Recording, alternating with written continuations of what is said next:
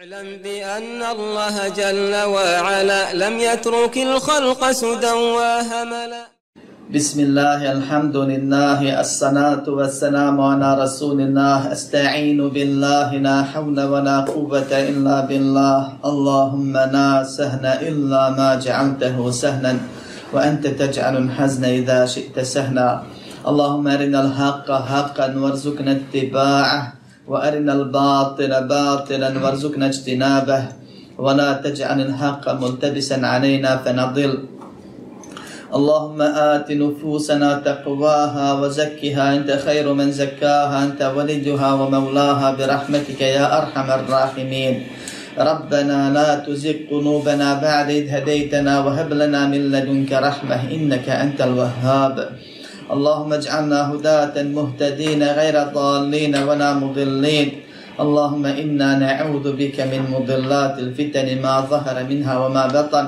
اللهم توفنا مسلمين وأنت راض عنا وألحقنا بالصالحين اللهم يمن كتابنا ويسر حسابنا اللهم يسر ولا تعسر اللهم بارك وتمن بالخير لا إله إلا الله ولا حول ولا قوة إلا بالله العزيز الحكيم Amma ba'd. Sva hvala i zahvala pripadaju samo Allahu, savršenom gospodaru svih svjetova, jer On i niko drugi sem njega svu hvalu i svu zahvalu uvijek zaslužuje. Allah subhanahu wa ta'ala zaslužuje da se stalno po svakom pitanju hvali, jer se samo On potpunim osobinama opisuje i Allah subhanahu wa ta'ala da mu se na svemu na svakom stanu, na iskušenju blagostanu, zaslužuje da mu se zahvaljuje jer se Allah subhanahu wa ta'ala prema svor, svorenima iz svoje nepogrešivosti odnosi pa je u pravu i ispravno je i nije pogriješio i hvala mu i kad dobro određuje i kad zlo određuje odnosno iskušava i kad zabranjuje i kad naređuje on je uvijek u pravu i to je uvijek dobro u konačnici za nas, pa samo zbog toga Allah subhanahu wa ta'ala i niko drugi sem njega na svakom stanju svu zahvalu zaslužuje. Od njeg pomoć oprosti uputu tražimo. Koga Allah subhanahu wa ta'ala uputi napravi putome nema zablude. Koga Allah subhanahu wa ta'ala svemilosni, savršeni, pravedno u zabludi ostavi, tome nema ni pomagača, ni počevača, ni iz vječnog džahennama izbavljivača, da se Allah sačuva toga. A zatim nastavljamo sa govorom o najbitnijim stvarima koje se tiču svakog muslimana kroz poslanicu tri temena vjere i završili smo govor o hijri. Šejh je ovdje, još uvijek smo u trećem temelu, spoznaje poslanika Muhammeda sallallahu alaihi wa sallam i šejh je ovdje donio, napisao sabrao, u kratkim crtama pojasnio, dokazao osnovne stvari vezane za ono što musliman, musliman treba da zna o svom poslaniku. Da bi mu ešhedu ene Muhammeden Rasulullah, sallallahu alaihi sallam, bilo ispravno i primljeno. I da bi od toga bilo koristi. Svjedočiš da je Muhammed, sallallahu alaihi sallam, Allahu poslanik, moraš znati osnovne stvari koje je taj poslanik. Pa ko je odakle, šta je, koliko je živio, gdje je živio, šta je radio, osnovne stvari, o tome smo govorili većinom. Posle ide srž poslanice, s čim je poslan, kome je poslan, gdje je sad i tako te stvari i to će, ako Bog da nam doći kasnije, dio u ovom, a ostatak inša Allah u sljedećem poglavlju. I mi smo pred kraju od ove poslanice, ne znam tačno koliko, ali neće nam još puno predavanja trebati za Allahom pomoć da je završimo. Molim Allah da u Kabulu je lakša i da bereketa. I nakon poznate je svim muslimanima da je poslanik Ali je sedam rođen i žive u Mekki, da mu je bila došla u Mekki, da je u Mekki pozivao određeno vrijeme, da je presilio, eh, eh, učinio hijđru ili preseljenje u Medinu, da je tamo nastavio pozivati i da je tamo preselio. To su neokvirne stvari koje znamo. Mi smo došli do Hidžre i Hidžru smo završili prošli put, Hidžru srca, Hidžru tijela. I tamo smo govorili između ostalog o propisu islamske i neislamske države, muslimanske i nemuslimanske sredine i to će nam trebati ako Bog daje večeras onaj zaključak od, iz prošli put. Kaže, učinio je hijđru u Medinu, pa je šef spomenuo da je hijđra obavez ovom umetu i da njen propis ostaje, pojasnio kad je obaveza, mi smo dodali kad nije obaveza, koji su ustali da bi čovjek mogao biti među nemuslimanima koji nisu, osnovne stvari, samo smo spomenuli, to su većinom pravna pitanja, fikska, a ne akideska, zato što mi čvrsto vjerujemo da svi hadisi koji govore na temu, vjerujemo zato što je tako naučno hadisko, od strane hadijskih stručnjaka dokazano, hadijski naučno dokazano da svi hadisi koji govore, a imaju dva poznata hadisa, ovaj, koji govore o tome da onaj ko živi s nevjernicama da je nemusliman, da nije musliman, su neispravni, su slabi. I smatramo da je to vjerovanje onih koji tekfire za nešto što nije kufr. Koji je poslanik Alihi Sanatu Vesenam i njegove ashabi koji su i doživjeli zbog Haridžijama. I dokazivali smo i spominjali one stvari koje se toga tiču. Tako da hijža može biti obavezna, može biti pohvalna, može biti dozvoljena, može biti preče da je ne činiš. Spomenuo sam primjer daje onoga koji koristi ili onaj koji je na neki drugi način obavezan da boravi tu, dok je obavezan da boravi tu, preče mu je da boravi, a ne da ide vani nazad i tako dalje. Ima tu puno, puno mesela. Sve su pravne prirode, nisu akideske, jer onaj ko učini hijđru, Allah radi, a u pravi je, je uradio seba, ispunio obavezu ili pohvalnu stvar, onaj ko učini, ne učini hijđru, a bio obavezan da učini, je uradio grije, s tim da je obavezan za sve ostalo što taj grije nosi. I bojat se za njega da on ili njegova djeca vremenom ne budu došli u situaciju da učine dijelo nevjerstva ili da povjeruju neke stvari ili pokupe neke stvari. Pa ako se to desi, onda on ima svoj propis. A dotad on je grešnik zato što nije učinio hijđru, kao što kaže Allah subhanahu wa ta'ala, o robe moji koji vjerujete, moja zemlja je prostrana pa me obožavajte. Povodom muslimana u Mekki, nazvao ih je robovima, a robovi su vjernici i nevjernici i nazvao ih je vjernicima. Robovi moji koji vjerujete. A prekrašili su obavezu činjenja hijđre i nisu bili učinjeni hijđru. Što je dokaz da onaj ko naučeni hijđra obavezan je, nije na muslimanoći grešnik. I Allah ga poziva da ju učini. Iako presali na tome, neće biti opravdan za grehe koje je činio pod prisilom, jer je mogao otići i dokaz je onaj drugi koji smo četirali, kad i melice budu uzmali duše i prijatelj džehendamo, da nas Allah sačuva toga. E, hijrat se čini iz mjesta nevjerstva u mjesto islama s ciljem mogućnosti ispoljavanja vjere. I onaj ko ne može ispoljava vjeru, ta je obavezan da je učini, onaj ko može, nije obavezan da je učini. Glavni cilj hijra je to, da bi se ispunila na hijrat srca, a to je bježanje Allahu od svega onoga što nas odvraća od Allaha subhanahu wa ta'ala, cilje spasa i sreće na oba svijeta. Kaže šeh nakon što je spomenuo hijđru i njen propis i hadis, da ona traje sve do sudnjeg dana, da ta obaveznost po tim uvjetima traje sve do sudnjeg dana, kaže, فَلَمَ اسْتَقَرَّ فِي الْمَدِينَةِ أُمِرَ بِبَقِيَّةِ شَرَائِعَ الْإِسْلَامِ مثل الزكاة والصوم والحج والأذان والجهاد والأمر بالمعروف والنهي عن المنكر وغير ذلك من شرائع الإسلام أخذ عن هذا عشر سنين وتوفي صلاة الله, صلاة الله وسلامه عليه ودينه باقي كان nakon što se ustabilio u Medini,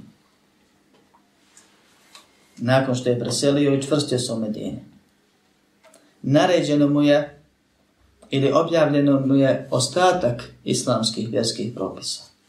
Sve ostale, znači, ovaj odlike ove vjere, propise ove vjere, manji ili veći, svi su objavljeni u tih deset godina u Medini.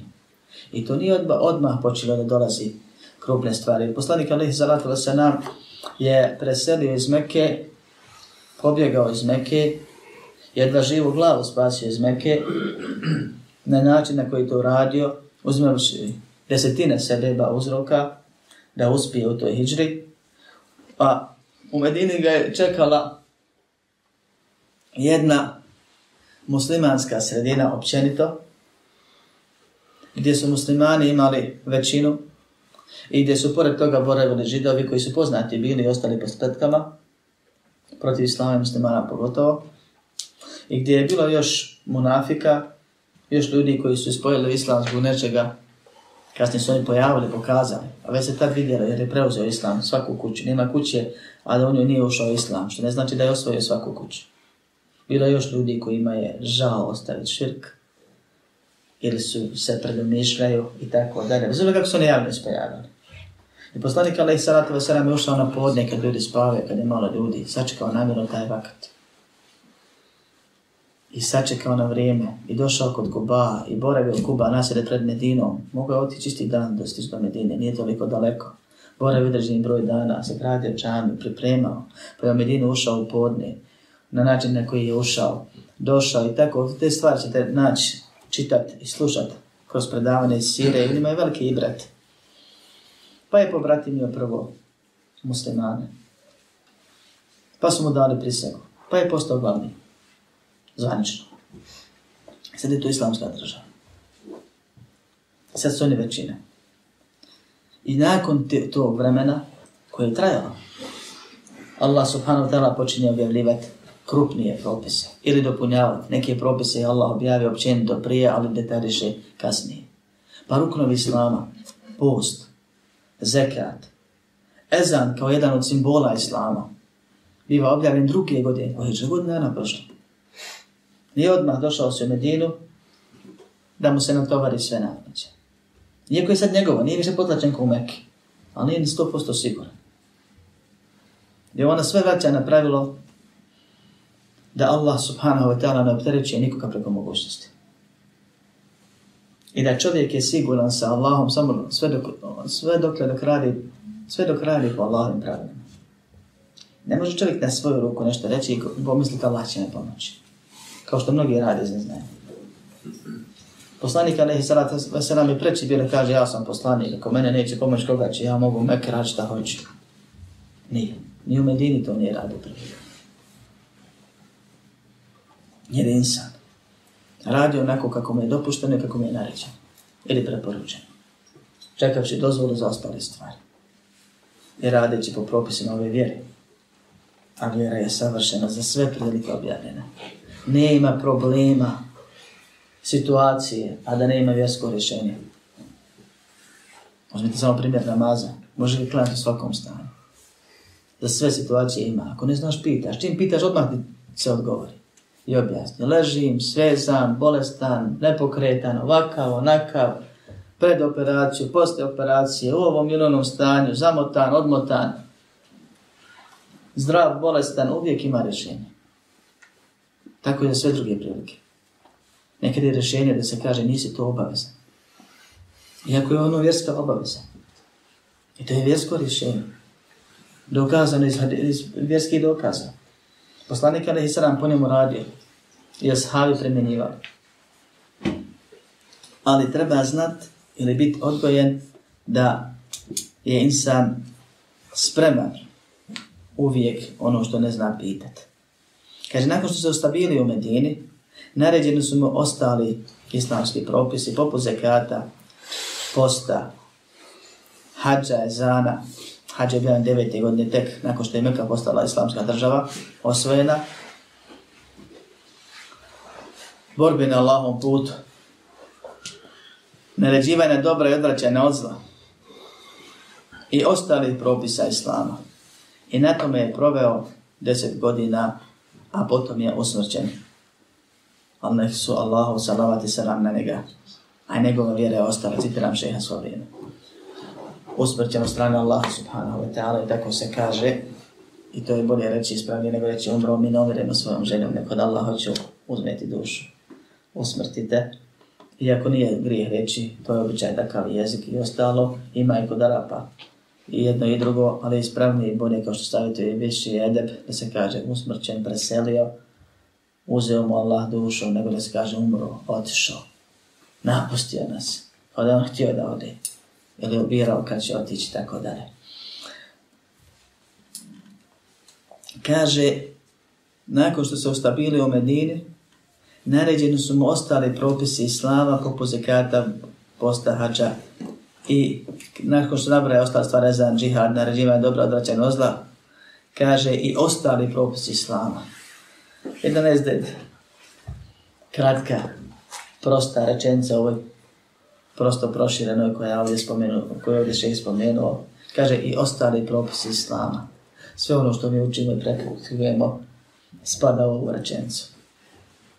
Svi ostali farzovi, svi ostali detalji, svi uslovi, uvjeti za zekat, zeka, otkad se dokad posti, koliko se posti, šta hvali post, ko posti, ko je obavezan, ko nije, ko je oslobođen kad, pod kojim uvjetima, na što se daje zekat, koliki je procenat, ko daje, ko ne daje, kad daje, propisi vezani za, za hađ, ko je obavezan, kad je obavezan, kad se obavlja, koji su obredi, propisi vezani za borbu na Allahom putu, imam propisa da, je to, da se dijela pišu posebno na tu temu, propisi vezani za pozivanje u vjeru, za nerađivanje dobra, za pozivanje u dobro, za odvraćanje zla, propisi vezane za rodbinske veze, propisi vezane za adabe, razno razne, propisi vezane za bolest, propisi vezane za putovanje, propisi vezane za trgovinu.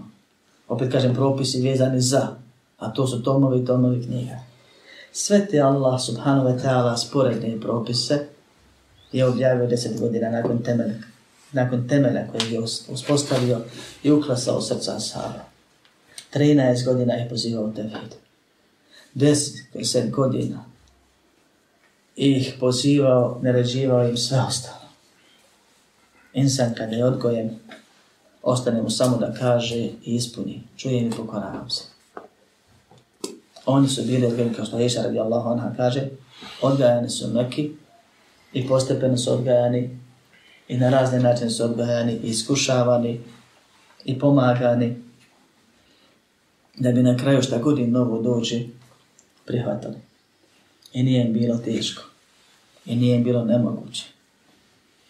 I učili su postepeno i zato su najučeniji i najrazumniji i najpametniji i najispravniji bila sahabe Allaho poslanika Nisana. Doživljavali su promjene pred svojim očima znali su povode mnogih stvari. O ajeta, hadisa. Znali su kako je bilo prije i posle. Vidjeli su kako se to primjenjuje praktično, te neke preporuke vjerske. I dođu likovi nakon njih i promijene mnoge stvari u vjerovanju. I kažu, Allah rekao ruka, mi ne znamo ili ruka ili nije. Allah rekao oči, mi ne znamo jesu li oči ili nisu. Mi ćemo reći samo tu riječ, da ne bi utjerala Allahu laž vanštinom, a suštinom ćemo ga ne udobi Allah utjera tu laž, rećemo mi ne znamo mi šta on cira, time, ne zna se. Pa kad ih pitaš, je li tako vjerovao Ebu Bekr? Je li to vjerovanje Omera? Je li tako vjerovao bilo ko da sahaba? Ako ima znanje, ako ima iskrenosti, reći će ono što piše u njihovim knjigama. Jeste, nije tako vjerovao. Pravo si, tako će reći. Ebu Bekr je to shvatao doslovno ko što vi, zadrti Selefije, Sunetlije, Vahabije, kako god hoćeš, vi svatate. Tako i on svata. Pa kada ih pitaš zašto vi tako svatate, kažu Selef, to je te prve tri generacije koje su vjerovali onako kako mi nastavimo vjerovati za lahko pomoć, bez promjene, oni su, kaže, bili Eslen, a mi smo Ahkem i Ale. Šta to znači? Oni su, kaže, bili pokori, čuvajmo i pokoravamo se bez razmišljanja. A mi smo, kaže, učeniji I mi to bolje kontamo, mi smo mudri. Mi smo docijegli se suštinom. Oni su to kontali bolje, a Selef jedan gledao samo pravo da ostalo nisu kontali. To je ogromna potvara. Da su svjesni šta govori, ne bi sekunde ostali na tome. To su grupne, teške riječi. Čovjek koji je živio propise, koji je čuo poslanika, koji je pitao poslanika, ali sad neka zašto i kako. Da se naš gospodar smije, kaže Ashab. Kaže, postan se smije se. Jer neće nam fal hajra gospodara koji, nam, koji se smije. Koji su vjerovali kako im se kaže, koji su shvatali, primjenjivali, ra, borili se, žrt, ginuli za to, živjeli potom. Allah im dao peče da je s njima zadovoljen. I neko dođe i kaže, ja sam pametniji od takvog. I nemoj ti biti takav ko što je on bio, kaže, neko hajde budi ovakav, ko smo mi, mi smo mudri. Da Allah sačuva svakako. Svakakvih naziva, za one stvari koje su šarijetu propisane, a suprotne su tome. Allah subhanahu wa ta'ala sve ostale detalje od vjeri, a njih ima bezbroj izgradio na temelju ispravnog vjerovanja, ispravnog djelovanja, povjeri žrtvovanja. Nije Allah samo držao, držao nije Allah objavio poslanika da sam, samo držao i drsove medijene i da oni pokupe teoriju, moglo se puno lakše, ne treba 13 godina. Nego su oni A e, to je sve plod tevhida, ispravnog vjerovanja, koje je u osnova njegova je u srcu, a pokazuje se na dijelima. Odgajan je na tom vjerovanju. Pa su ashabi za 13 godina naučili da ispravno vjeruju u Allaha. I da se bez pogovora pokoravaju Allah. I da se žrtvuju za Allah. I to su radili živote svoje su izlagali i na kraju su i metke i sve ostavili rodbinu i odrekli se otišli u Medinu da čuvaju svoju vjeru. I da se bore za vjeru, što su kasnije dokazali i pokazali. Da im je vjera najvjerednija stvar, zato stvore im potom radi. I da mogu sve izgubiti, to neće. I da su hej, proda sve svoje, samo da izađe na heđu, pa mu kaže poslanik, ali će nam uspjevati trgovine. Uspio si. I, I drugi. I to je ono što se zove, znači, temeljno, ispravno, ispravan menheđ. Da znaš da živiš za la ilaha ila Allah, Muhammedun Rasulullah. Da živiš, da vjeruješ u Allaha jedinu i da Bog dokaže svojim životom to vjerovanje. Da se bježiš od širka, da se boriš protiv širka. I da živiš za ispravno vjerovanje nepromijenjeno po sunetu Muhammeda sallallahu alaihi Muhammedun Rasulullah, ne samo la ilaha ila Allah. Da bježiš od bidata, da se boriš protiv bidata za sunet. I da si spreman žrtvovao se za to i ostavi to dunjalog, ko treba cijeli ili dio njega, koliko treba, koliko te Allah iskuša. I da neće te Allah iskušati preko mogućnosti i da nisi obavezan sve ono što ne možeš. Šta je dokaz? Mekanski i medinski period. Allah subhanahu wa ta'ala kad je dao muslimana vlast u Medini, onda im je objavio propise koje je bilo nemoguće sprovesti u Mekiji. Poput naređivanja na dobro odrađene ozlo, sprovrađene šerijatskih kazni, borbe napadačkog i odbrabenog džihada i nekih drugih stvari. Ali ovo su najkrupnije stvari. Što je nemoguće bilo u Mekis pravesti. I nije Allah tima i opteretio. I iz ovoga su islamski učenjaci izvukli propis mekanskog i medijinskog perioda. I to nije stvar koja se uči samo u Siriji. Bio nekanski pa postao medijinski nego je to stvar koja je ostala Allahu i vjeri do sudnjeg dana. I blago onome ko ovo shvati. I učenjaci su ovo shvatili, prihvatili, pojašnjavali. A malovnici se s njima i dan danas to radi i smijavali. Pa učenjak ostane učen, a malovman ostane ono što jeste. I tako će biti na ovom svijetu i tako će biti na ahiratu. Allah subhanahu wa ta'ala je objavio ajet koji traje do sudnjeg dana. La yukellifu Allahu nafsan illa wus'aha. Jedan od ajeta. Allah nikog ne opterećuje preko mogućnosti. I neće nas optereti nikad preko mogućnosti. I ostaje to pravilo do sunnjeg dana, da sve što ne možeš, bez obzira koliko stoljeća prošlo od hijđre, nakon što je prošao taj poslanikov mekanski period i nastao medinski period, da sve što ne možeš nisi obavezan i nećeš biti pitan i ne trebaš da radiš. Ova treća stvar je jako bitna, ne trebaš nasilu da sprovodiš nešto što Allah u tome ne traži. Allahova vjera je da tu staniš i ako ideš da li ti pretjeviš. Jer ne možeš. A nemogućnost ima svoje znake prepoznavanja, nije mogućnost, nemogućnost ni fizička, ni srčana uvijek, ni nekad je to stvar slobode, nekad je to stvar tijela, nekad je to stvar materijalne mogućnosti i tako dalje. I sve je to regulisano, također opet šarija, to mi nije ostavljeno nikome da duma, da konta, kako i šta, nego je regulisano. Poenta je da učenjaci govore da postoji mekanski medijinski period i dan danas. A malo si kažu kako to, zar nisu propisi objavljeni. Pa su učenjaci spomenuli karakteristike mekanskog i medijinskog perioda. I shodno tome u kojoj se situaciji nađeš, ti si u tom periodu na tebi se odnosi te propisi karakteristike Mekanskog i Medinskog perioda. I kažu, može na zemlji biti u jednom dijelu planete Medinski, u drugom Mekanski period. I prije nego krenem na pojašnjavanje ovih stvari, za one eventualno kojih ima ovdje ili koji kad budu slušali ovaj ders, bude im šetan prišao, ko što je mnogima prišao, i rekao šta ovaj priča, za nisu propisi završeni, ovo i ono, ja ću ih pitati pozivam vas, dakle sve koji gledate sad ili ćete gledati kasnije, da se sjetite muslimana Ujgura u Kini i njihovo praktikovanje islama danas, juče ili sutra. Jer to neće br lako i brzo proći. I šta oni smiju, i šta oni moraju, i šta oni mogu. I kako oni klanjaju, i kako oni poste, i kako oni islam ispovjedaju. I da li je, imaju pravdanje da ga ostaje da li je rješenje da sad prestano biti muslimani. Ili je Allah ne udubila ostave bez rješenja. Po nekima tako ispadne, vjerujte mi, ako ćemo ići tjerati do kraja.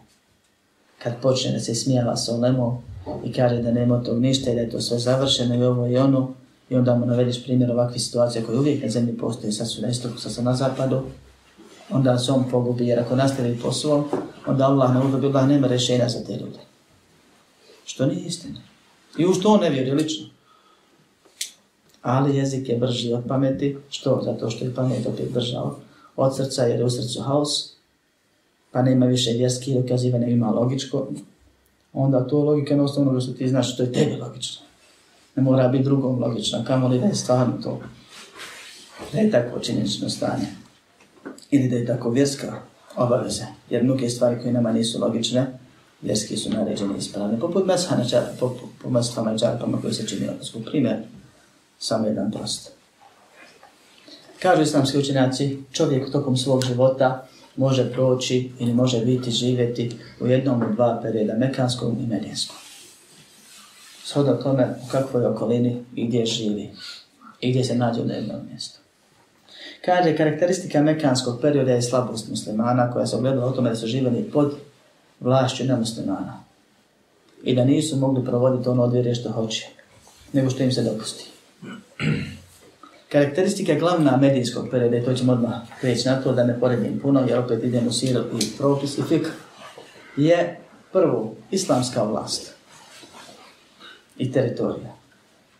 Pa tamo gdje ima islamska vlast i teritorija, isprovode se islamski zakoni, tamo ti zdržava štiti tvoja prava, nema potreba se boriš za njih, da se ti otimaš da pa se ti nekome moliš, da strahuješ.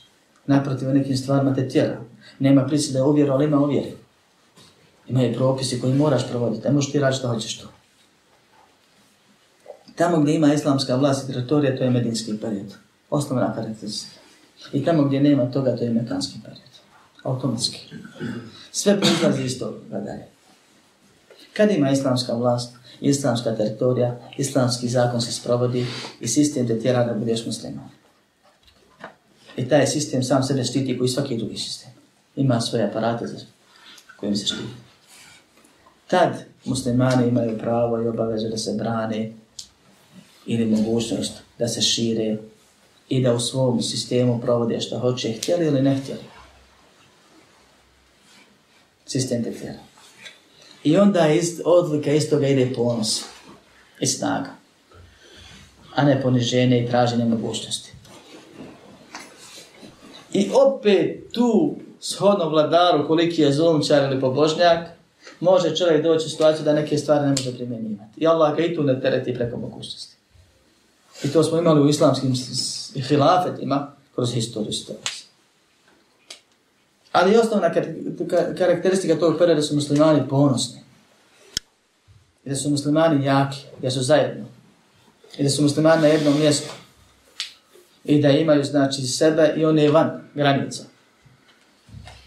Nekad mogu granice muslimani.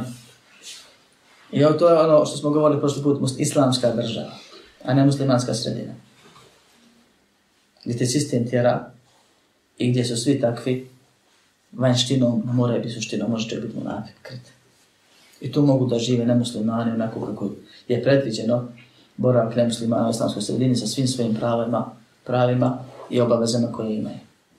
Ali to ne utiče na sredinu, jer kažem da je nemuslimska. Bez obzira koliki broj, koliko miliona nemuslimana živjelo tu po tim pravilima. Sve dok je sistem islamski. Istoga proizlaze ostale stvari koje neke malovnici hoće da provode ili da razmišljaju, da zamišljaju, da dožive u svom životu, a daleko su od te sredine i tih mogućnosti. Poput slobode, poput, ne znam, nešto, ponosa i tako dalje i tako dalje. Gdje god nema ovoga, vraća se na, na, na pravilo Allah ne preko mogućnosti. Osnovna kategorija muslimana u neislamskom sistemu je slabost i potlačenost. I tu nema ponosa. Ti si ponosan što ti musliman, to bi niko ne može otjerati, to si tam pravom putu, to je nešto drugo. Nije to ono što se pokazuje, što se vidi. Tamo gdje ti sistem ne štiti, ti si slab. Gdje se ti moraš boriti za džumu. Gdje se ti moraš boriti za namaz. Gdje se ti ne, moraš boriti za određene stvari. Gdje se ti moraš boriti za bradu na postu gdje ti moraš boriti za nikam. Gdje ti možeš, a ukoliko se zakon preko noći promijeni, biti kažnjen za sprovođenje islama, ko što se dešava nekim zemljama. Da jučer je bilo dozvoljeno, sutra nije. Što, promijenili ljudi? Njihova država. Svako ko ne živi u islamskoj državi, pod uvjetima, je u mekanskom periodu. I tu se razlike stvari. I kad kažemo mekanski period, i medinski period. Nikad nikom od učenjaka, a mnogim od malovnika je naupalo, a nikad nikom od učenjaka nije naupalo, to znači da mi sad brišemo i nazad vraćamo propise. Islam. Sad u jednom nema zekata, nema posta, što to je objavljeno u Medini. Ne. Nego generalno pravilo je da si obavezan samo što možeš i nisi obavezan što ne možeš. I to nas je poslanik Muhammed s.a.v. naučio. I zato kad postavi pitanje učenjacima, živimo u sistemu gdje nas sa Ramazan tjeraju da jedemo. Da li nam je post ispravan, da li da uopšte postimo ili ne postimo. Kaže, vi zapostite i kad vas natjeraju jedite i to vam ne kvari post i nastavite da ne postite. I niste obavezni ništa. Tako je propis. I Islam ima za te rješenje. Kao što ima rješenje za sve druge situacije.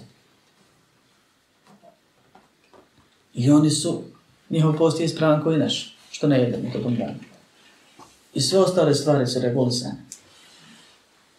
I Allah vas ne optreće preko mogućnosti. Možeš zanijetiti, možeš zapostiti, možeš imati želju, možeš da čuti kad je Ramazan. Ako možeš. I ti nijeti posti, ti se iftare navići, jer ako ništa nije tom, ako ne možeš drugačije, je se ispravno iftare ti nije tom, zanijetiš, ne postim, više ako nastupio, akšan i ti se prestao postiti. I sve ima svoje A ne možemo reći sad ljudima, vi ste u Mekke, nema posta, i to nikom nikom ne obora. A jeste onima koji hoće da obori ovaj sistem. Što? Zato što ako obori Allah, onda će sprovoditi svoje. A njega je šetan već zauzdao, pa on odavno traži ne udubila rupe u šerijatu, ne bi mogao na svoj način neke stvari da razumije ili da sprovede. Pa onda pokušava reći da nema mekanskog medijskog perioda, da nema tih pravila, da je vjera savršena, da je Allah potpunio vjeru, što je istina. To su sve riječi istine kojima se želi zabluda. A iz toga proizilazi da sad svi moraju, pa ponekima svi moraju da se bori. Pa bilo je situacija kroz historiju slava gdje devet ljudi se sakupe i proglasi ih hlafet nevjernicima i objavi im džihad. Dok je ovi ne pošalju malo jaču grupu vojske ili policije pa ih pobiju. Koji bilo kroz historiju slava bit će uvijek takvih virusa devet ljudi obi, i hilafet od istoka do zapada, kada je najveći bio. Devet se skupi na brdo i kažu sve su ovo nevjernici i proglasi im džihad. I kažu koliko je mali skupina pobjedla velike i naš je Allah pomoć i mi smo ovakvi i onakvi i sve ajte citirati. Ali tamo gdje nije. I Islam je ponos. Mi ne možemo reći nema borbe, i ne možemo trpiti zalima i ne znam ja ovo i ono i nabacati stvari. Ko ne zna, rekao bi stvarno što tako samo što će sada kao Allahu nad zim, istinu je rekao uzvišenje Allah, tako ti on citira ajed. Ali nije to to. To nije islam. To nije vjera. Tako se nije Muhammed sallallahu sallam neki ponašao. Ili neke druge stvari, ko će meni zabran da ja klanjam kako hoću zbijeni safova, ko će meni zabran to ovo, ko što danas imamo priče, ko će meni ovo, kaže pravilo, bolje išta nego ništa, to je poniženje, to je slabost, islam je objavio ponos, a bolje išta nego ništa je šerijansko pravilo. Govorili smo to jednom. Šerijansko pravilo je jedno fikskih pravila, vjeri koje Allah objavio, traži nas. Što ne možemo u potpunosti izvršiti, ne smijemo u potpunosti ni ostaviti. I druge stvari koje imaju. I bitno je znati da nije Allah subhanahu wa ta'ala slučajno dao da poslanik tri godine gladuje. Da poslanik ali i se nam strahuje da poslanik Alehi Sram tajno poziva, da poslanik Alehi Sram prvo u vjeru poziva u, u vjerovanje, zatim u djelovanje, da poslanik Alehi Sram 13 godina uči ljude tevhidu, vjerovanje i žrtvovanju za vjere, za vjere. I uči ih da primjeni ono što mogu i da ne moraju ono što ne mogu. I uči ih da bježe sa svojom vjerom ako ne mogu je sačuvati, osim tako. I sam odlazi na način koji je od, odšao. Način gledajući očima tih malomnika pun poniženje. Normalan ljudski način. Izlačen iz problema. Jer Allah je poslao poslanika, je odabrao čovjeka za poslanika. Da ljudima dostavi vjeru koju će ljudi kasnije primjenjivati. Mogu je Allah poslao supermena. Pa svi kažemo lahko njemu, mi ne možemo tako. I zato mu je dao ono što ljudi trpe i načine da se bore ljudski i da se izbori ljudski uz Allahu pomoć i dozvolu naravno. I nije slučajno Allah dao mekanski pa medijinski period. Nije to samo dato da prođe, da bude i prođe. Nego da ljudi nauče kako da se ponašaju u blagostanju, kako da se ponašaju u iskušenju, kako da se ponašaju u miru, kako da se ponašaju u ratu, kako da se ponašaju u snazi, kako da se ponašaju u slabosti, Šta je najpreče ako se nešto mora ostaviti? Šta je najpreče ako se za nešto mora boriti? I žrtvovati. Kako se ponaša musliman kad vodi državu, kad ima porodicu, kad ima više žena koje se poznali sa svemi Kako se ponaša kad nema? Kako ostavlja ono što ostavlja? Kako se bježi kad se bježat mora? I sve je to ljudski, i sve je to islamski, i sve je to propisano i napredovanje i povlačenje i pozivanje i odvraćanje i prijateljovanje i neprijateljovanje. I sve to ima u našoj vjeri. Treba učiti, znati, slušati. Jer naša vjera je skoljena na kodinu prenesenog poslanika, ali i Allah dao mekanski i medijski period, kako kaže učenjaci, baš da nam pokaže ako se nađeš u nekoj situaciji, kako da se ponašaš. Pa ti ne bude krivo sad što te neko ponizio, Muhammed alaihi salam, je mušlik ponižavao na razne moguće načine zbog vjere. Allahova poslanika, koji je neuporedivo bolji od mene i od tebe. Bili su ponižavani na gori način nego što možda ćemo mi ikad u životu. I nisu zbog toga vjeru ostavili i nisu nasilu nešto gurali. Jer nisu mogli, nisu morali, nisu trebali. I Allah pogriješio kad im je taj propis to, u tom momentu objavio. I taj propis vredi za mene i za tebe uvijek. I ovo je blagodat od Allaha ogromna za one koji razuma i vjerskog srce ima. Da ne moraš to, ne možeš. I da ne trebaš granice vjere prelaziti. Allah je odredio, ne moraš ti ništa razmišljati. Pita ako ne znaš, primjenjuj ako znaš. Oslani se na Allaha, izdrži što moraš, uživaj onome što imaš. To je sva vjera i sav život. I u džennet ideš tako kaže na ovom je probao deset godina, a onda je osvrćen sallallahu alaihi wa sallame, a njegova vjera je ostala iza njega. Njegova je vjera ostala da se dijeli ko nasljedstvo. A ne da se parča tebi pola, meni pola, tebi dio, meni dio, ja ću primjenjivati dio, ti svoj dio. Nego da se prenosi poput nasljedstva što se prenosi od Adema do sudnjeg dana neko je nasleđivo ove njive, ove place, ove kuće, ovo što mi imamo, što živimo danas i ti misliš tvoje i gineš za to jedan. I uzet će i djete i unuče i praunuče i neko će drugi kupiti, otičeš, Bog, Bog zna kome kasnije. To je nasti što to prsa prenosi s kolem na kolem. Neko će koristiti, pa ti ćeš otići ja. Isto ova vjera i ovo znanje. Allah se obavezao će ga čuvati. I neko će ga ispravno shvatati i primjenjivati. A neko će vjeru zlopotrebljavati i falsifikovati. Neko će dodavati, neko oduzimati. Neko prekrajati, neko neiskreno zlopotrebljavati. Ali će uvijek biti skupina koja će shvatati i prihvatati ono što je izvorno i ispravno. Onako kako je objavljeno, nevremenom promijenjeno, prepravljeno. I tu se poput nasljedstva s koljena na kojima prenosi. Ashabi su govorili, ovo nam je ostavio emanet poslanika alaihi senam. Ovako smo zatekli poslanika alaihi senam i mi vama prenosimo kako smo zatekli. I tako su učenjaci koji su istorije radili i pisali džaze i preporuke i znanje prenosili i vraćali se.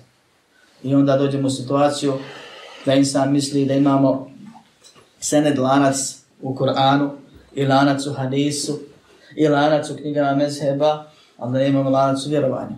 Da vjerovat možemo svakako da djelovat možemo svakako, da se ponašat možemo svakako, što nije istina. Cijela vjera je sačuvana i ostavljena. I cijelu vjeru neko prenosi s koljena na koljeno. I cijela vjera, uključujući shvatanje, razumijevanje vjere, a zatim na kakvoću primjenjivanja, zatim primjenjivanje, sve je to sačuvano. I sve se to Allah obavezao će čuvati. I sve je to Allahova objava. Nije Allah objavio propis da se zaboravi u doba Selefa, nego se primjenjuje do sudnjeg dana i taj će se propis na zemlji primjenjivati. Biće skupine, kao što kaže poslanik Jadon Salam, koja će biti jasno na istini, bez sa jasnim dokazima. I bit će one 72 druge koji će uzeti nešto, ostaviti nešto. I kaže, njegova vjera je ostala. I suština te vjere je Hada dinuhu, ovo je njegova vjera. La khaira illa dalla al-ummata alayhi wa la sharra illa hadharaha minha. Kaže, nema dobrog, nema dobre stvari. A da Allah ovom vjerom nije umet na nju uputio. Nema dobra, a da nas Allah kroz Islam na njeg ne poziva. I nema zla, a da nam Allah nije ga zabranio i na njega ne upozorio. I kaže Abu Dhar, radijallahu anhu, preselio poslanik sallallahu alaihi ve selleme. A nećeš, kaže, vidje pticu da leti, a da Allah a da nam nije ostavio znanje o njoj. Sve nam je pojasnio, hoće se reći. Sve nam je pojasnio. Prigovaraju po ashabu, ko što je sahih u poznatom hadisu. Kaže, vaš poslanik vas pa svemu podučio, pa je pravilima čišćenja nakon nužde. Pa on u pjesmama kaže, jest, ponosno, to, to, to, tako nam je naređeno. Tri stvari spominje. Ali pojete da oni priznaju i on potvrđuje, vas, po, vaš poslanik vas pa svemu podučio. I ono što nas je podučio poslanik Alehi Sarakova Sena je sve što nam treba za sretan i lijep život na Dunjaluku i uspjeh na Ahiretu. Za polaganje, odnosno uspjeh pri polaganju računa na sudnjem danu, za prelazak preko sirata, za izbjegav, izbjegavanje džehennema, to tamo. Ono što ti treba da izbjegne džehennem, da položiš ispit, da dobiješ knjigu desnu ruku, da pređeš sira, da ti vaga dobrih pretegne vagu loših dijela. To je u islamu. A nećeš to doživjeti ako ne doživiš sreću na ovom svijetu koju Allah obećava vjernicima. A nećeš nijedno doživjeti ako ne budeš premijenivao propise onako kako Allah objavio. Koliko smo mi počašćeni da nam je Allah objavio vjeru, da ne moramo mi smisliti istraživati. I u tom paketu vjeri. Sve što je zabranjeno, zabranjeno je zato što ti šteti. Tebi ili zajednici. I sve što je dozvoljeno ili preporučeno ili naređeno zato što ti treba ili koristi. I samo gledaš šta Allah kaže, radi ili ne radi. Ne moraš da misliš što i kako. I ako budeš primjenjivao, bit ćeš sretniji, zdraviji, ispravniji, uspješniji. izbjegava ono što je zabranjeno, bit ćeš sigurni i zaštićeni, da svako uzme. I to je suština ove vjere. Ali ova vjera se prenosi s konena na konena. I ova vjera se uči. I ova vjera ima milijardu propisa. Ne može ih jedan insan znat sve. I zato mi imamo milijone učenjaka kroz istoriju. Biće ih još više. I Allah je rekao, ako ne znate, pitajte učeni. A čovjek kaže, nema danas učenih na zemlji kaže sva ulema je pod zemljom. Ja kažem, onaj ko kaže sva ulema je pod zemljom, njegov iman je pod zemljom. Jer Allah nema rješenja za njeg neodobrana. Allah kaže, pitaj učene, a on nema koga pitati, jedan odšli učeni. Pitajte se vi, ko je upravo, on ili neodobrana gospodar svijeta. Nije mala stvar tako nešto hlupiti. I ostat živ. I ostat na sunetu ko biva. I pametovati da li umetu. A to ga često ima i čujem i slušam. Vjera je ostala, poslanik Ali Isra mi ostavi vjeru i on je došao da dostavi je. A on je usmrćen. I u tome što je poslanik Ali Isra Ali Isra mi za sebe ostavio Kur'an i sunnet. Objava Allahova. Allah se obavezao da će čuvati objavu. Inna nahnu nazalne zikra, inna nahnu na hafidhun. Mi smo objavili zikr, objavu. Kur'an i sunnet, ko što pojasnimo, ko ajitima i hadisima. I mi ćemo ga čuvati. Insan misli kad bi mu rekao, današnjim mnogim koji neće sunneta, kad bi im rekao, pozivati na primjer kod nas ovdje u Hanefijski, negdje drugo u Šafijski, Malikijski, Meseb, slijepo sljeđenje mora tako i pokupi tu jednu tradiciju s puta razno razno i sve opakuje, ali nebitno. Kad bi mu ti se našali i rekao, ma ko zna šta je Buharifa Hanifa govorio, pa davno je to bilo. Nije to sačuvano. Našao bi ti milijard dokaza da dokaže da ima, da je mesel sačuvan, da je mesel očuvan, da imaju lana, da su nama prenosla skorina na korinu i tako dalje. A njegovo stanje, a nekad i jezik, govori, ma ko zna šta je poslanik Muhammed Ali Sinan govorio. Kad mu kaže da je nešto sunnet, i da je to starije od imama mezheba, onda ti ili kaže ili dijelima pokaže da on baš i ne zna je to tako sačuvano mi. Allah se nije obavezao sačuvat mezheb, nego vjer, objav, Kur'an i sunnet. I Allah će ga sačuvat, a ne ljudi. Teoriju i praksu. Neko će primjenjivati. I u tome što je Allah objavio, nešto su ljudi dok uči, neko je pogodio mezhebu, više neko manje. Zato imamo razlike u četiri mezheba i u ostalih 80 koliko je bilo. Onome što je Allah objavio je naredba, propis, traženje svakog dobra za nas i ukor, izbjegavanje, zabranivanje svakog zla za nas. Wallahi, kad bi Allah rekao, objavio sam vam naredbe koje vam štete na dunjalogu, ali zato imate uspjeh na ahiretu i vječno, vječni boravak u džennetu i spas od džehennema i naredio i zabranio sam vam sve što vam koristi na dunjaluku. Da se dobro napadite. Ali zato imate ovo. Vjernik ne bi imao drugog izbora osim da prihvati i da izdrži. I svako ko hoće vjeru, ko vjeruje u Allaha i Allahu, ko hoće spas na ahiretu, jer izvršava ono što je naređeno šteti i ostali ono što, što je zabranjeno koristimo. Što? Zato što prodaš prolazno za večno, ne isplati se. A Nasuprot tome, gospodar svjetova nam je prijavio vjeru u kojoj je hajr za nas.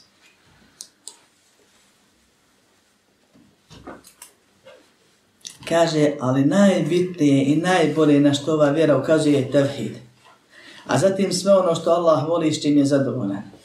A najgore, najopasnije što je Allah zabranio je širk. Zatim sve ono što Allah zabranjuje što mrzim što je nezadovoljan. Jer to je svrž, srž. U islam se ulazi, u islam se opstaje, po njemu se živi, na njemu se presali ako si na la ilaha illallah Muhammedun Rasulullah. Tevhid i širk. U vjerovanju i djelovanju.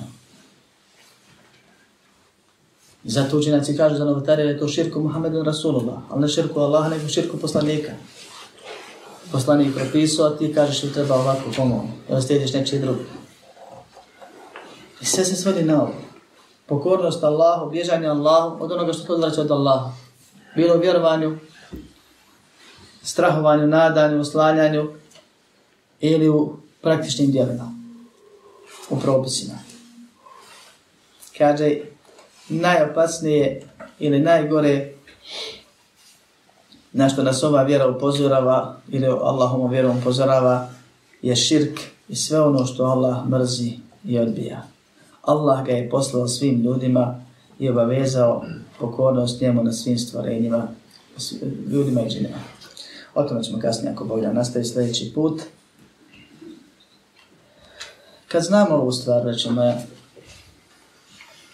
da je najbitnija stvar na kojoj živ, zbog koje živimo, Islam, ali je stasu islama tevhid i da naj veća stvar ili najgore što možemo da izgubimo, da doživimo i ne do Allah, da izgubimo islam, vjeru.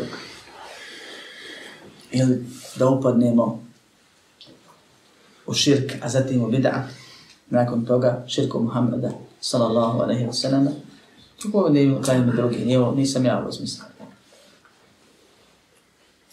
Zatim idu veliki grijesi, pa mali grijesi.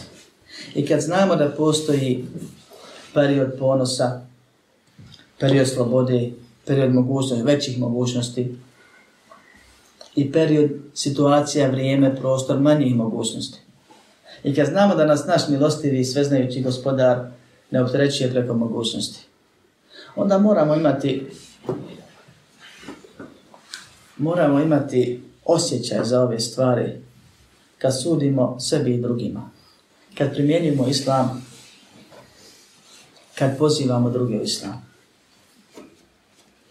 Allahu poslanik salavatu rabbi ve salamu a ne je bio najbolji učitelj. I nikad neće biti bolji daje je bolji učitelj od njega. I on se za grehe srdio, a nije se srdio za publični stvari. Kao što ga opisuju njegove supruge, koje ga najbolje poznaju. i znao se zacrveniti i vidjelo mu se na licu kad se namršti za crveni kad neko pogriješi. I znao je upozoravat na grijeh ili kritikovat da mu se napnu vratne žile, kao da na vojsku, na napad upozorava. Hitna situacija, hitno stanje, u pomoć. Zbog grijeha, a ne zbog ličnih stvari. Zbog prekršaja. I to nije problem. I najviše je, da se tako izrazim, sallallahu alaihi ve sallam, da lijepio Ebu Bekra i Omer. Od svih drugih. U onim situacijama, kada smo kroz tefsije sura, hoće rači nenis. A imaju obzira prema nekim drugim, pogotovo novim u islamu. Pazio je situaciju. Zašto? A to što je on poslanik islama. Poslanik Allahove vjerije. Allah uzvišeni uzme u obzir ove stvari. Pa Allah uzvišeni propisuje oženjenom bludniku i bludici kamenovanje do smrti, a neoženjenom i neudatoj bičovanje. Nije isto, što nije isti nagod, nije isti razlog, nije ista potreba, nije ista situacija. Uzima obzir stanje jedni i stanje drugih. I nije muslimanu dozvoljeno da svima isto sudi. Da od svih očekuje ono što on radi. Ista je vjera, isti je propis. Neću ja reći tebi halal, a meni haram. Nego ću imati razumijevanje prema tebi. Allah subhanahu ta'ala ar-Rahman svemilosni.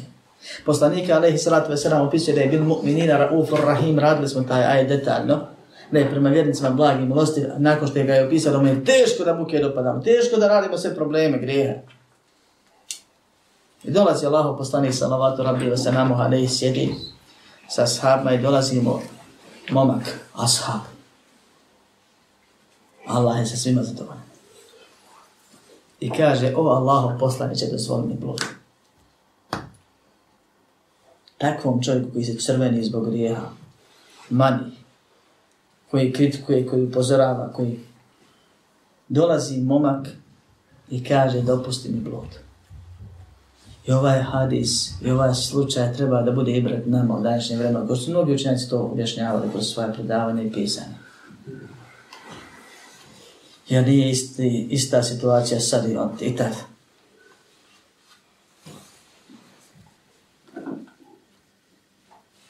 Pa šta biste vi očekivali sad da ne znate hadis? Hadis je većinom svima poznat. Kakvu reakciju poslanika ne sram ovako? o Allahu, postanit će to svoli mi. Ne je rekao halal, mi smiješ da bude halal, nego da mogu li ja kako, ja ne mogu izdržati. Daj mi nešto da ja razumijem da to me nije toliki grije. Pa mu poslanik Alehi Saratu se nam prvo pokušava objasniti. To je na način da udara na njegov razum i njegovo srce. Na njegov omoru i na ostale stvari da mu pojasni koliko je to štetno. To nije grije koji se tiče samo njega. To je grije koji se či, ko, ko, gdje će pogrešiti dvoje i osramotiti još 202. A veliki grije u islamu. Za koji ima kazna propisana još u kaboru. Da Allah sačuva. Pa kaže poslanik sam, bil ti volio da to neko uradi s tvojom majkom? Bil ti volio da to neko uradi s tvojom sestrom? Ne bi Allah. Znači, bil ti volio da to neko uradi s tvojom čerkom? Odgovor je negativan uvijek bio ali pored toga ponovno i da on ima i da je njega neka muka natjerala koji je poslanik Ali Hissanam uzeo obzir. Ashab da tako javno dođe i provali se, sramoti se tako, neće doći tako. Mora biti krupan razlog. I zato poslanik Ali Hissanam skroz drugačije s njim pričao odnosno na druge. Ima razumijevanje za njegovo stanje. I ovo što sad govorim, neke osi se sa onim što sam govorio prošli put, kad sam kritikovao ovo da predavljam. Oni koji pišu poruke i ostali se jako Jer za njih su pravila i za ovakve su pravila. Pa kaže poslanik Alehi Salatu Veselam, nakon toga je stavio svojom barek ruku njegova prsa i proučio mu dovu. Dovu koja treba svima nama, jer smo mi preći ove dove i ovakvog razmišljanja od toga sada. Oni su se morali odmeriti da nađu priliku za blud, a mi se znojimo da pobjegnemo današnjem vaktu od toga. I to je činjenica. I zato smo mi preći ovakvog ponašanja i obhođenja i da pružimo ruku milosti i pomoći jednim drugima u slučaju da neko posrne, a ne da ga guramo i pomažemo šetanke svog brata. Jer je to zabranje poslanika Ali Sadrasana.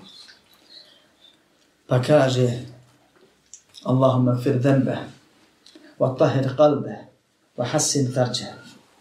Allahum moj, prosti mu grije njegov i očisti njegovo srce i sačuvaj njegov vlastivno mjesto. Allahu moj, prosti mu grije i očisti njegovo srce. Tu je razlog grija. Zato on ne može, a drugi mogu izdržati. I on traži sebi izuzetak. I zaštiti njegov pogleda.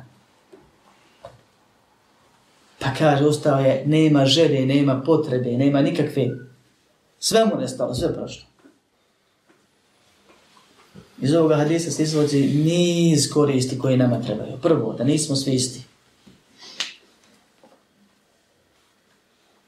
I da se prema svima isto ne možemo i ne smijemo obhoditi.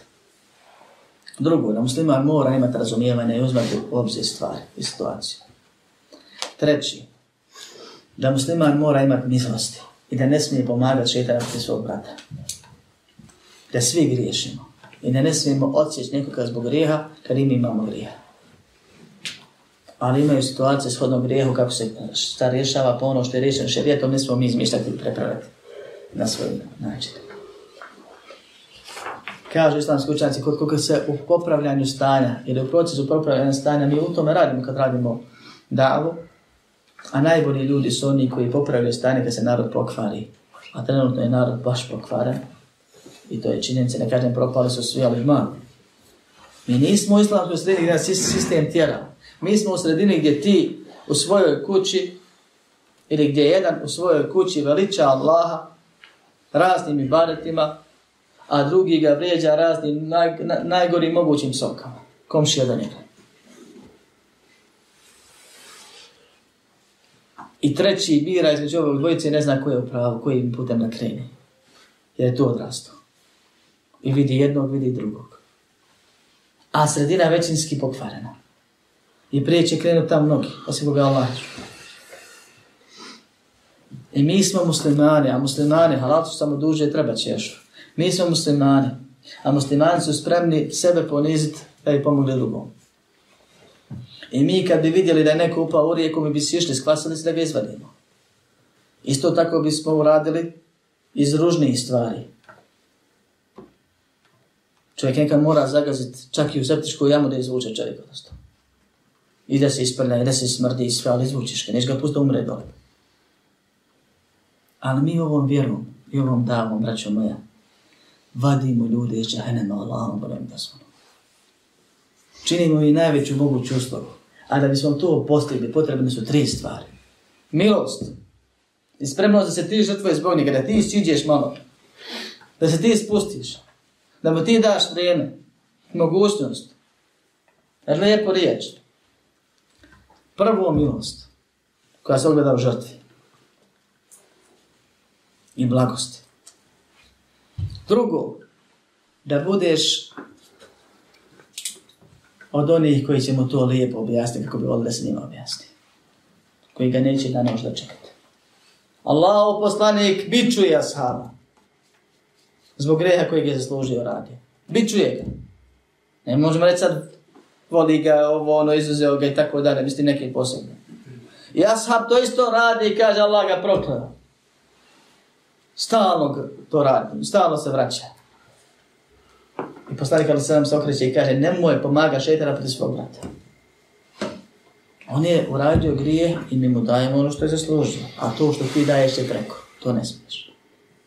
To je više. Nemoj pomaga šeitana proti svog brata. E to nam je zabranjeno. Uvijek imamo, imamo na umu da možemo svojim riječima govoriti čovjek još dobro. A mi smo potrebni da sićemo ako trebamo, ali da bi je ščupao, makar ono nama bila šteta dunjaločka, ne ahiretska, ne smijemo čini grehe zbog drugih. Jer mi ovdje smo onda očajne. Prvo milost, drugo lijepo pojašnjenje. Da ozdvojiš vrijeme da mu objasniš polako, ne da kažeš samo haram je, da skineš obavezu sa sebe, to je sebičnost. Mi se obda, kad vidimo da neko čini grijeh, prepadnemo se i naupadne nam propisi, naračivanja dobra, odraća na ozla, ono Allah će me kazniti ako ga ne upozori. Ne daj sad bilo kako samo ga upozori da skineš sa sebe. To nije u redu. Cilj ovog propisa i cilj upozoravanja da se on popravi ako je moguće. A zatim da skineš obavezu sa sebe. Ko što je dokazano na ovaj sura Araf, više puta sam pocitirao. I zato čovjek treba se potruditi oko insana. Da ga pomogne iz čupa. Da ga podrži, da ga zaustavi kad to nije napravljeno. Da ne ide dublje, pa polako će ga se. Kako znaju oni? I ako ne znaš, pitaj, ako nemaš kada pitaš, zamisli sebe u njegovoj situaciji, samo mu priča kako bi volio da se tebi priča, nećeš pogriješ, nećeš ga govoriti do, dublje. I zadnja stvar, iskrena dova. Poslanik je li sam mu proučio dobi, možda mi uči dobi. Sjećam se prilike, jedne prilike prije dugo godina, kad smo učili kod jednog daje, brat se moj Ahbab, žali njemu kako mu majka pravi probleme zbog vjere i kako mu ne da, kako ne podržava i tako dalje. Ima li kakva, što ja volim reći, finta da on uradi pa da nju prevede na pravi put. Da uz, u, uzrokuje da ona bude bolja.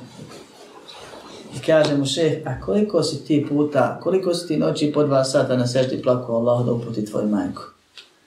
I svi smo se zagledali, on se trznuo kod da ga je ubo nečin. Jer je bila stvarno neočekivana reakcija i pitanje. Koliko si puta usto kad Allah silazi na prvo nebo i pita ima li ko šta da traži da mu da i molio i plako jer ti je stalo da neko bude na pravom putu. A kad probamo tako nešto prije ili posle pozivanja, vidimo da iste one riječi koje smo joče govorili i nisu pile vode, danas pio vode, lijepe se na njegov osjećaj iskrena dova prije, tokom, poslije. Da se osjećaš s njim, da mu pomožeš, da dobiješ za njega, da hoćeš da čovjek se popravi. A ne da ga osuđuješ i guraš dublje. Da on je pogrešio, to ćemo suditi svakako, to mi ne volimo. Ali mi je žao što je pogrešio, nije mi drago. I pokušat ću ga još čupat, pa kad neće i ne da se i vuče mene sa sobom, onda ćemo se otkačiti. Neka ide on ako mora, neko kad je navalio, a mi da ne idemo. To su pravila koje imaju svoje. Potrudi se oko njega. Mogao je poslanik ali sam samo reći šta ovaj hoće. Šta mu je? I on normal. Traži nešto što je poznato da ne može. Objašnjava mu, uči mu dovu i utiče na njega. Mi smo, braćo moje, preči nas, učen milion jedan grijeh ovdje. To sve veliki, veći. I kad neko pogriješi i posrne, da, po, da, da imamo razumijevanja, ne, ne podršku zato da pokušavamo pomoći dovom, lijepom riječju, savjetom, kritikom, onim što mislimo da koristi. Ali mora to biti milost, blagost, žrtva i iskrenost u dobi. I iskrenost u savjetu. I bit će ako Bog da efekte. Isto je prema sebi. Desi se da čovjek, ko što znam primjera nekoliko, ne rekuje se sa ženama 20 godina, 10 godina, 5 godina, nebitno i bude u nekoj nezgodnoj situaciji na poslu, negdje, nešto ga se desilo i nije znao, nije mogao, nije uspio u tom momentu odbiti ruku. I onda šeitan dođe, priđe, ne vali mu se nakosti na srce i kaže, eto, prestao si džaba, si se se ruku. I mnogi ovako pomisle. Sestra muslimanka mora negdje na granici, negdje u nekoj situaciji da otkrije lice i gotovo je, kada ne mogu ja nikad primjenjivati ja otkrijem ovdje, otkrijem onda, nema tog, izgubila svoju stranu. Ne. Jednom je mora zbog nekog razloga skratiti bradu, prišla, prišla je maka za licu i ne slaze s lica više. Vidio jednik da ne, ga neće munja s neba strefi tako je skrati i sad je redovno krati. Mi smo nije prije rekli da dolazi munja zbog toga, nego da kako si tad morao, sad ne moraš. Nastavi dalje, pokaj se popravi se. Ne se piše grije, a nemoj da se pišu grijesi. Prema sebi isto tako da razumijemo da možemo posrniti, posrnut ćemo više puta u životu. I nismo meleći, i griješimo i griješćemo, tek smo živi. I ne trebamo odustajati od truda da budemo pokorni i bolji. Nemo kad pogriješiš, pokaješ se popit pa iz početka. Pa I znaje da ono što se trudio ranije, da ti je Allah ukabulio, i ovaj grijeh ti je upisan, možda ti je oprostio, možda nije, ali ideš dalje. Pa će to se vagat na sudnjem danu a onaj ko se pokaja Allah mu svakako oprosti. Molim Allah subhanahu ta'ala da ovo bude dokaz za nas, a ne protiv nas, da shvatimo ove stvari, prihvatimo, da se podučimo, da nas poduči onim što je ispravno i što je korisno, pomogne nam da se tima koristimo i da drugima prenosimo, da nas sačuva svega što je neispravno, svakog vida zablude, da nas sačuva od zlopotrebljavanja vjere, Molim Allah subhanahu ta'ala da dok živimo sebi drugima dobro činimo kad preselimo na smrtne muke budu zadnje muke koje osjetimo. Amin. Alhamdulillahi rabbil amin.